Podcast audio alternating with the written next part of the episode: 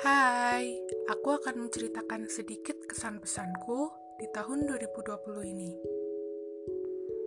Jujur, tahun ini adalah tahun yang paling berkesan di hidup aku.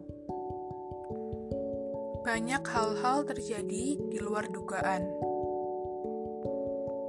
Hal-hal yang sering aku sepelekan dulu, di tahun ini semua itu terjadi. Dimulai dari dipertemukan, sampai harus rela melepaskan. Aku hanya seorang hamba yang tidak bisa menolak garis takdir yang sudah ditetapkan oleh Tuhanku.